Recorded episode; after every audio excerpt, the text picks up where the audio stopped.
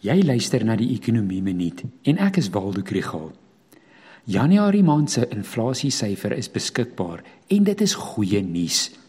Verbruikersprysinflasie het afgeneem vanaf 5,9% in Desember na 5,7% in Januarie. Dit is goeie nuus omdat dit die druk om die repo koers te verhoog so bietjie minder maak. Die laer brandstofprys in Januarie en laer vervoerkoste het gehelp dat pryse stadiger styg.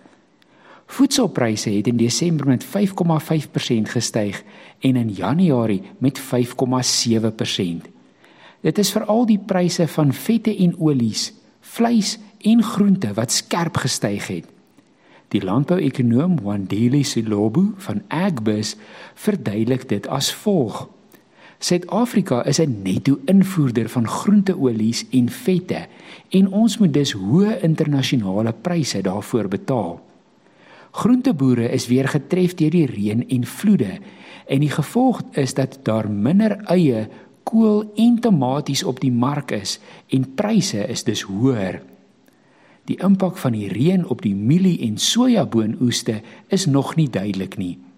Daar is verlede jaar ook minder vee geslag wat vleispryse hoog hou.